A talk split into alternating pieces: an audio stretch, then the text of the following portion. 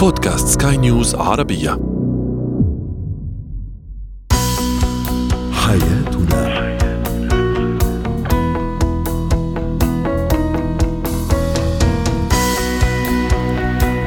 أهلا بكم مستمعينا الكرام إلى برنامج حياتنا برنامجكم اليومي الذي يعنى بشؤون الأسرة وباقي الشؤون الحياتية الأخرى والذي يمكنكم الاستماع اليه عبر منصة البودكاست لسكاي نيوز عربية. معي أنا طيبه حميد.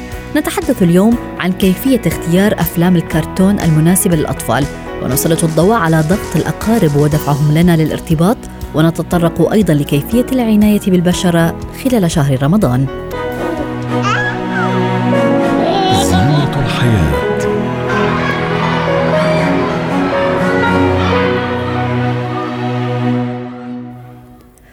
يستطيع أي منا أن ينكر مدى تأثير التلفزيون والإنترنت ووسائل التواصل الاجتماعي على الأطفال.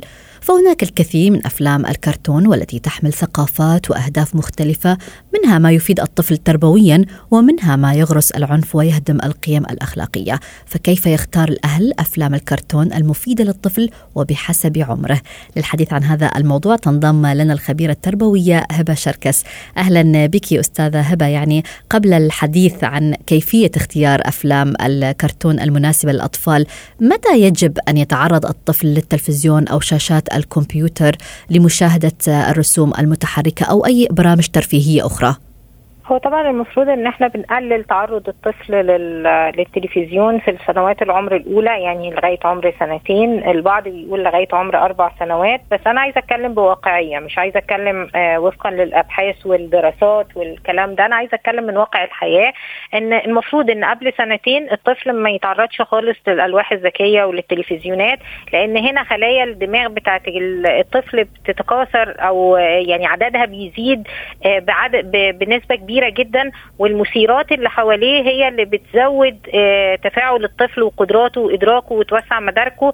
ولازم تكون التفاعلات دي بكل أعد- أجزاء جسمه. يعني لازم يستخدم حاسة اللمس لازم يستخدم فمه علشان يكتشف العالم لازم يكون بيبدأ يتحرك في المكان لازم يكون عنده آه، تفاعل حقيقي بكل أعضاء جسمه علشان كل كل عضو بيبعت رسائل للدماغ. فالجزء الخاص بالمستقبلات من هذا العضو بيحصل لها نمو لو خلينا الطفل قاعد قدام الشاشة معنى كده إن الأعضاء التانية مش هتبعت مستقبلات لل- للدماغ وتطور الدماغ هيحصل فيه خلل. خلل كبير بقى وخلل صغير يعني ده موضوع كبير جدا. بس أنا بنصح إن بلاش الأطفال تحت عمر سنتين على الأقل يتعرضوا لأي شاشات ذكية. الصح لغاية عمر أربع سنوات ما يتعرضوش للشاشات يعني ابتداء من. عمر أربع سنوات يستطيع آه، الطفل الصح، مشاهدة ده التل... صح بس الواقع يعني لو عند سنتين بدأنا نعرضه بشكل تدريجي إن هو بيقعد ساعة في اليوم بيقعد نص ساعة بيتفرج على كرتون معين آه، بيتفرج على بعض البرامج التعليمية اللي بيتعلم منها الأرقام بيتعلم منها الحروف بيتعلم منها النطق آه، آه، بنجيب له بننزل له على تابلت أو على أي شاشة ذكية بعض الألعاب الإلكترونية اللي فيها توصيل اللي فيها فهم اللي فيها تركيب زي بازل فبرضو ده آه، يعني في آه، شيء من التفاعل لكن مش من التلقي السلبي إن هو يقعد يتفرج فقط يشاهد فقط هو ده ال- المشكلة الأكبر إن بقيه أجزاء جسمه ما بتبعتش مستقبلات للدماغ وبتغير آه، إدراك الطفل أو بتأثر على نمو الإدراك عند الطفل. جميل. طيب كيف نختار الكرتون أو البرامج المناسبة للاطفال بحسب يعني السن؟ فمثلا أطفال أكيد في سن الرابعة سوف يتعرضون لبرامج ترفيهية مختلفة عن الطفل في السن مثلا السادسة أو السابعة أو ما فوق ذلك. صحيح جدا. الأطفال الصغار إحنا بنقدر نتع... نتحكم في نوعية البرامج اللي بيتفرجوا عليها وبنقدر من خلال الأجهزة الذكية بتاعتنا إن إحنا نعمل نقفل على بعض نحدد التوقيتات بتاعه مشاهدة أي برامج معينة وبعد فترة معينة بعد نص ساعة التابلت بيفصل كومبليتلي الطفل بيبقى فاهم إن خلاص ما فيش أي إمكانية لأن هو ما عندوش أي خبرات إن هو يقول لك لأ ممكن تشحنيه تاني أو ممكن تفتحيه تاني أو ممكن كذا. فإحنا بنقدر نتحكم بشكل كبير في الأطفال الصغيرين. نوعية البرامج المناسبة للأطفال الصغيرين يكون فيها شيء تعليمي. الكرتون اللي بيتفرجوا عليه ما يكونش فيه عنف ما يكونش فيه رعب. لأن في بعض آه، ما يكونش طبعا في أي حاجة طيب كيف يسيطر الأهل في هذه. الحالة على ما يتم عرضه آه، في شاشات التلفزيون مثلا؟ آه طبعا أنا بفضل إن إحنا ما نخليش الأطفال يقعدوا قدام شاشات التلفزيون. أنا بفضل إن هم يتفرجوا من خلال الألواح الذكية الخاصة بيهم أو حتى السمارت تي في يعني هم يكون آه الموضوع تحت السيطرة ونحدد إيه نوعية الكرتون اللي بيتفرج عليه. نتفرج مع الطفل على الكرتون. بعض الكرتون ممكن ما يكونش فيه حاجات أخلاقية سيئة آه بس ممكن يكون فيه بيعلمه حركات زي يطلع لسانه ويعمل حركات غير لائقة. فطبعا ده إحنا بنبدأ نستبعده. لازم يتفرج الطفل على حاجة كوميدية فيها ضحك وفيها بشاشة ممكن يتفرج على حاجة فيها قصة. آه زي family كده وأسرة وبيحصل أحداث. آه طبعا بيحبوا الأطفال يتفرجوا على الحاجات اللي فيها اكشن بس يا ريت الاكشن ما يكونش عنف يعني يكون بس قصص البطولة والأبطال وما يكونش الأبطال الخارقين اللي ممكن يطيروا ويعملوا حاجات آه ممكن الطفل يحاكي هذه المشاهد. وإحنا بنشوف أعداد كبيرة جدا من الأطفال صحيح. بيقلدوا وبيمثلوا نفس اللي حصل في الكرتون. يعني الأطفال بيبدأوا في السن ده يقلدوا ويبدأ يعمل الدراما بتاعته من خلال الكرتون. على قد ما فكرة إن هو بيقوم يمثل هي فكرة كويسة جدا لنمو الإدراك عنده وان هو يشغل كل جسمه. على قد ما هي فكرة مقلقة لو هو بيمثل حاجة فيها خطورة. عشان كده الأفلام الكرتون اللي فيها خطورة برضو يجب استبعادها. يبقى حاجات تزود المثيرات البصرية والسمعية عنده والإدراك. حاجات يكون فيها قصص الأسرة وحاجات يكون فيها light comedy تخلي الطفل دايما المود بتاعه جيد لأن هو بيحب بيحتاج يستقبل حاجات كوميدية ويبدأ نعم. الجانب الفكاهي عنده حتى في دماغه يبدأ يحصل له نمو. طيب يعني في حال كان الأهل مثلا يتابعون برامج أو مسلسلات خاصة بالكبار، كيف يمكن السيطرة على الطفل؟ هل يجب أن يتابع مع الأهل هذه المسلسلات والبرامج أم لا؟ الأطفال الصغيرين اللي هم في سن أربع سنوات لا طبعا مش مفضل إن هو يتابع الدراما دي لأن هو مش هيفهمها ولأن الأفضل إن المرحلة دي كمان هو مرحلة الخيال. فالأفضل إن هو يتفرج على حاجات خيالية وعلى كرتون وعلى أشياء تناسبه. آه لو وطبعا وقت لما هم يكونوا بيشاهدوا التلفزيون هو بتلاقي حتى الأطفال بينجذبوا وقت الإعلانات وبعد كده لما صحيح. بيحسوا إن في دراما وطريقة كلام هم مش فاهمينها بيتشتتوا بأي لعبة أو أي مثير تاني ودي حاجة بتكون إيجابية. آه بالنسبة للاطفال الأكبر سنا هم بيبدأوا يتحكموا هم اللي بيتحكموا. هم بيبقى معاهم اللوح الذكي بتاعهم بيدخلوا على اليوتيوب وعادة ما بيتفرجوش بس على كرتون كمان بيتفرجوا على ال YouTubers اللي بي بيقدموا حاجات مختلفة محتوى مختلف. فمهم هنا إن إحنا ندخل مع الأطفال وأهم حاجة في يعني بعد سن الست سنوات إن إحنا نعلم الأطفال مهارات التفكير الناقد فيما يشاهدونه. شكرا لك الخبيرة التربوية هبة شركس على جميع هذه التفاصيل. وهي.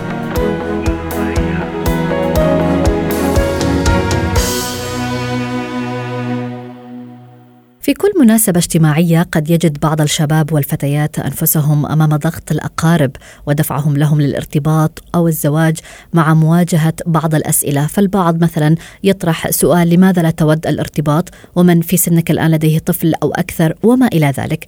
هذه الضغوط من قبل الأهل والأقارب قد تسبب أضرارا نفسية أو قد تدفعنا للارتباط والزواج بالشخص غير المناسب بغية إرضاء الجميع. فكيف يتعامل الشباب اليوم مع هذه الضغوطات؟ هذا ما تحدثنا به الاختصاصية النفسية والأسرية لما الصفدي. أهلا بك أستاذة لما. يعني ضغط الأقارب على الشباب اليوم للإسراع بالزواج هل هو ناتج من أفكار اعتاد المجتمع على توارثها وتلزم كل فرد مثلا بالبحث عن شريك حياة؟ أم هو الخوف من فكرة أن يختار هذا الشخص وأن يعيش حياته عازبا؟ هي الفكرة أولا تنبع من مبدأ بأنه دائما الإنسان هو لديه إحساس بأنه لا يريد أن يتوقف يعني أبنائه عن الإنجاب وبالتالي يتوقف الجيل أو العائلة خلينا نقول. فدائما الآباء بيكون عندهم إلحاح على أولادهم بأنه المفروض أن تتزوجوا أنا أريد أن أرى أحفادكم إلى ما هنالك. النقطة الثانية ضغوط المجتمع هو وكأنه هو تقليد يعني الزواج عندنا هو ليس اختيار الزواج عندنا هو وكأنه المصير المحتوم لكل شخص في هذه الحياة. فبالتالي التأخر في الزواج لابد أن يكون هناك أسباب برأي المجتمع. نحن نتكلم عن رأي المجتمع بالموضوع. النقطة الثالثة بأنه نحن عندنا آه للأسف الحدود الحمراء بحياتنا أحيانا تكون مطاطة ومرنة فبالتالي يحق للآخرين التدخل. يعني نفس هذا الشاب لو كان هو يعيش في بيئتنا غير العربية ربما كانت الضغوط شبه آه غير موجودة. أقل طبعا لأنه هنيك الأولويات بالحياة أو الاختيارات ومدى قدرة الآخرين على التدخل بحياتنا. يعني بأغلب البلدان آه، آه، ممكن يكون في خطوط حمراء بأنه هاي حياتي اعيشها بالطريقة التي أنا أراها. بالمجتمع العربي وليس فقط العربي أيضا يتشارك العديد من البيئات والمجتمعات بهذه الفكرة بأنه لا حياتك ليست ملكك، أنت طالما أنت ابني المفروض أن تتزوج وأن أرى أحفادك وإلى ما هنالك. طيب يعني ما الأضرار النفسية المترتبة على مثل هذه الضغوطات؟ آه، في جهتين، أحيانا ممكن يكون إيجابي. لأنه نحن دائما بنعطي نصيحة بأنه الاختيار ما بعد عمر الأربعين ليس كما قبل الأربعين. يعني خصوصا للشباب. يعني أنت إذا أردت أن تختار ما بعد الأربعين عقلك فقط هو من يقوم بالاختيار. فتكون مواصفاتك هي طويلة قصيرة نحيفة سمينة. يعني مواصفات عقلانية. ولكن قبل الأربعين ممكن أن يكون القلب هو الذي يقوم بالاختيار. وهذا بسبب إنه بعد عمر الأربعين العقل يصبح هو الكفة الأرجح بعلاقاتنا مع البشر.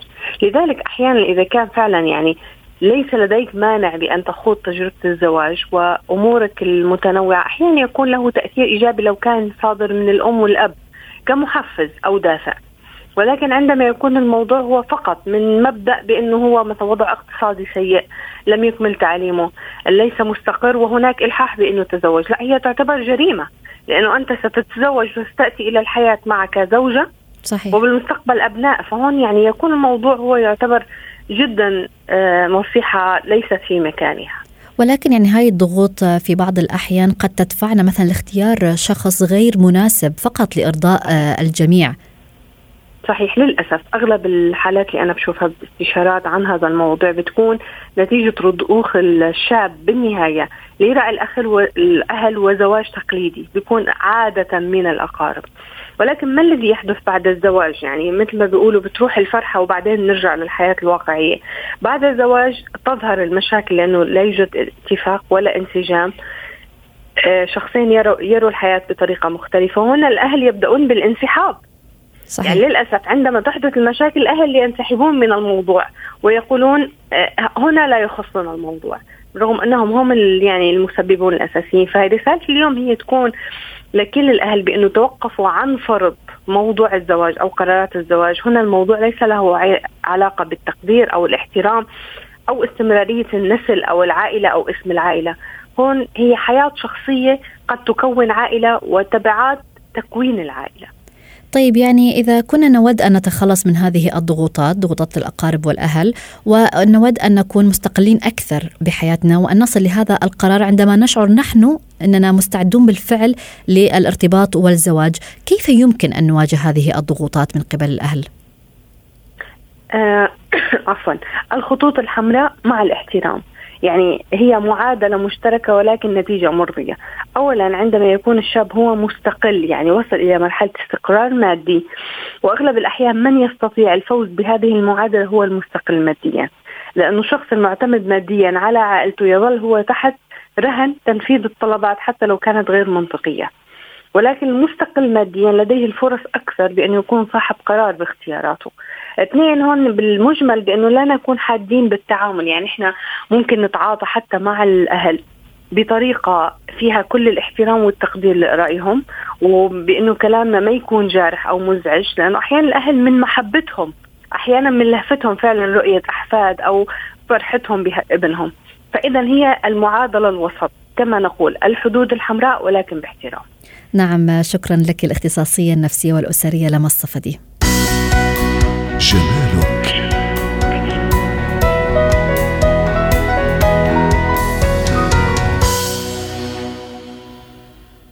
يتعرض الجسم إلى العديد من التغيرات خلال شهر رمضان والتي قد تكون إيجابية أو سلبية بحسب طريقة التعامل معها.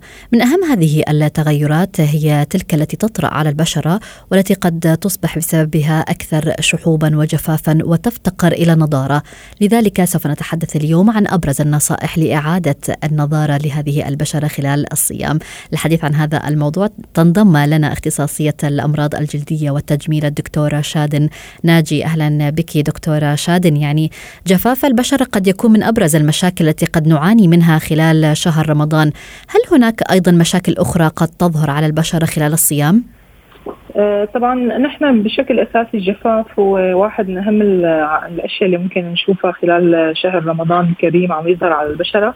بس ولكن كمان بسبب اللي أحيانا بصير اضطراب ببرنامج النوم كمان بصير في تغيير العادات الطعام اللي عم نتناوله. ممكن نشوف هجمات جديدة من حب الشباب مثلا عم تطلع. إذا كنا عم نتعرض للشمس بدون ما نستخدم حماية كافية ممكن هذا يخلي في زيادة بالتصبغات الموجوده على البشرة. ولكن بشكل أساسي القصة الأهم والأكبر هي آه، الجفاف اللي ممكن نعانيه على بشرة الوجه. طيب الحديث يعني عن جفاف البشرة كيف نقوم مثلا بمعالجة هذه المشكلة؟ آه هي نقطة كمان كثير مهمة كثير مهمة إنه نحن نحكي عليها اللي هي إنه خلال شهر رمضان لازم نكون مستمرين باستخدام الروتين اليومي اللي بنستخدمه خارج آه شهر رمضان، يعني مو إنه نقول إنه إيه خلص نحن هلأ رمضان وعم نفيق مأخرين أو برنامجنا اختلف فممكن نحن نعمل skip للبرنامج تبعنا. لا لازم نكون عم نعتني بالبشرة. يفضل إنه نستخدم مرطب شوي صغيره أكثر من اللي بنستخدمه بالأيام العادية آه، بشكل دوري مرتين يوميا. يفضل إنه نستخدم مركبات غنية بمادة ال hyaluronic acid اللي هي من أول المرطبات اللي آه، ممكن نستخدمها على البشرة آه، مثل ما قلنا على الأقل مرة مساء قبل النوم. هلأ في العديد من التطبيقات اللي ممكن نطبقها على الجلد مثل الماسكات المرطبة بتساعد كمان إنه نخلي البشرة عم تكون مرطبة ونحفظ الرطوبة ضمن البشرة شرب الماء هو واحد من أهم الأشياء المهمة اللي ممكن نحن نلجأ إليها لحتى نخلي صحة بشرتنا متوازنة خلال شهر رمضان. جميل، طيب ماذا عن تنظيف وتطهير البشرة؟ هذا الشيء مثل ما قلنا لازم يكون مستمر ما له علاقة لا بالصيام ولا بغير الصيام. بس الفرق إنه نحن كونه بشرتنا إذا حسينا إنه هي البشرة عم تكون جافة أكثر ممكن آه، نلجأ لمنظف آه، يعني أخف من المنظف اللي بنستخدمه بالأيام العادية. ولكن عملية التنظيف لازم تكون مستمرة مرة صباحا ومرة مساء بشكل يومي. وبنستخدم بعد الكلينزر طبعا تونر التونر يفضل إنه يكون شوي صغيره أخف لحتى ما يسبب جفاف. إضافي على البشرة. جميل. طيب آه، في حال تحدثنا عن مثلا اتباع نظام غذائي متوازن ما هي نصيحة المثلى لهذا النظام الغذائي للمحافظة على بشرة مثلا بنضارة وبشرة غير جافة؟ طبعا أهم شيء مثل ما قلنا إنه يكون في آه، مقدار من الوارد المائي يومي على الأقل نحن عم نحكي عن لترين يوميا من الماء. لازم يكون النموذج النظام الغذائي متوازن يكون غني بالأشياء اللي هي الأشياء الفريش الخضراء اللي هي غنية بمضادات الأكسدة كل شيء خضار وفواكه بتساعد الفيتامينات الموجودة فيها بيعطي دعم كثير كبير للبشرة آه، فهذا كله بيساعد نخفف من المواد اللي هي المواد الدهون المشبعة مثل الأشياء المقلية آه، أو الأشياء الدسمة بشكل كثير كبير لأنه هذا أصلا حتى ممكن يكون عم يحرض هجمات جديدة من حب الشباب هل يمكن أن تتعرض البشرة مثلا لنوع من أنواع الحساسية بسبب الصيام؟ لا. بسبب الصيام لوحده إنه يصير في عنا حساسية معينة لا. جميل. طيب النوم واخذ قسط كافي من الراحة هل يؤثر بالفعل على صحة البشرة؟ دائما النوم مثبت حاليا انه النوم المتوازن بيساعد على إنه يكون في عنا آه، نظام آه، حياة متوازن كامل وبيأثر على صحتنا بشكل عام. يعني كل الأشياء المرتبطه بصحتنا سواء صحة البشرة سواء الصحه العامة. آه، فكثير مهم إنه نحاول نحن ننام أكبر قدر ممكن ببحر الليل. يعني قدر الامكان أكيد نحن نعرف إنه نحن عم نعمل عملية سحور فممكن إنه الشخص يحاول إنه ينام قبل ممكن يفيق بعدين يرجع ينام أكثر بس إنه يفضل إنه ما نقلب النظام بشكل كامل إنه بحيث إنه نسهر لساعة مثلا خمسة وبعدين نرجع ننام لفترة الظهر، الأفضل إنه نضل نحن خلال فترة الليل لأنه هذا الوقت بيسمح للبشرة إنه هي تتجدد، بيسمح للبشرة إنه هي تعيد بناء نفسها، فكتير مهم إنه آه، ناخذ بعين الاعتبار هاي النقطة. جميل. طيب هل هناك مثلا خطوات معينة يجب أن نقوم بها للعناية بالبشرة أثناء الصيام أو مثلا بعد الإفطار آه، إلى حد فترة السحور؟ هل هناك أي خطوات محددة يعني الامر هو بيكون تماما بيشبه الشيء اللي نحن بنعمله أصلا آه، خارج وقت الصيام. يعني نحن عادة بنقول إنه نحن لازم نعمل يعني تطبيق للبرنامج الرعاية اليومي صباحا ومساء. هلأ مساء لازم يكون قريب من فترة النوم. يعني إذا كنا نحن بنطبق برنامجنا الليلي الساعة مثلا 10 وبننام الساعة 11 بدنا ندفشه شوي لحتى يكون قبل فترة النوم. يفضل مثل ما قلنا قبل ما ننام إنه نحط مرطب قوي على البشرة ونتركه لينشف ما بنغسل بعده آه، نهائيا. آه، هاي نقطة بتساعد كثير منيح. آه، استخدام الواقي الشمس حتى لو كنا قاعدين بالبيت وما عم نطلع كثير نحن عم نمر جنب الشباك فيفضل على الأقل مره واحدة خلال النهار إنه نستخدم واقي الشمس. طيب يعني أيضا الحديث عن الخلايا الميتة كيف نتخلص من هذه الخلايا الميتة؟ للبشرة؟ هلا الخلايا الميتة هو الشيء اللي عادة نحن بنعمله لحتى نتخلص من الخلايا الميتة على البشرة. ممكن نعمل شيء اللي بنسميه ال scrub. بس ننتبه من نقطة هامة كثير اللي هي إنه ال scrub ممكن يخلي البشرة تجف أكثر، فإذا كانت البشرة جافة يفضل إنه نحن نمتنع عن عملية ال scrub خلال فترة الصيام. لأنه ممكن هذا يساعد على إنه يصير في عنا تخريش على مستوى الجلد. إذا كانت البشرة غير جافة ممكن نحن نعمل عملية ال scrub أو السنفرة المنزلية اللي بتصير من خلال استخدام مادة معينة بنحطها على البشرة بس هذا بيكون فقط مرتين اسبوعيا مو أكثر لأنه مثل ما قلنا البشرة معرضة أكثر للجفاف خلال شهر الصيام. طيب دكتور رشاد يعني أخيرا هل الرياضة تؤثر على حيوية البشرة؟ المواظبة على ممارسة الرياضة؟ الرياضة مثل ما قلنا مثل مثل النوم هي عامل إيجابي ممكن يساعدنا بشكل عام على إنه نحن نكون آه، بصحة آه، كويسة ومتوازنة بشكل أكبر. آه، ننصح فيها أكيد يعني وفي هلا دراسات كثير جديدة إنه هي لها علاقة كمان بشكل مباشر على الصحة العامة تبعنا وعلى صحة الجلد كمان. فهي شيء منصوح فيه. هلا هي ما لها آه، ارتباط مباشر مع الجلد آه، يعني بشكل دايركت ولكن أكيد هذا الشيء بيساعد. شكرا لك اختصاصية الأمراض الجلدية والتجميل الدكتور رشاد الناجي. حياتنا.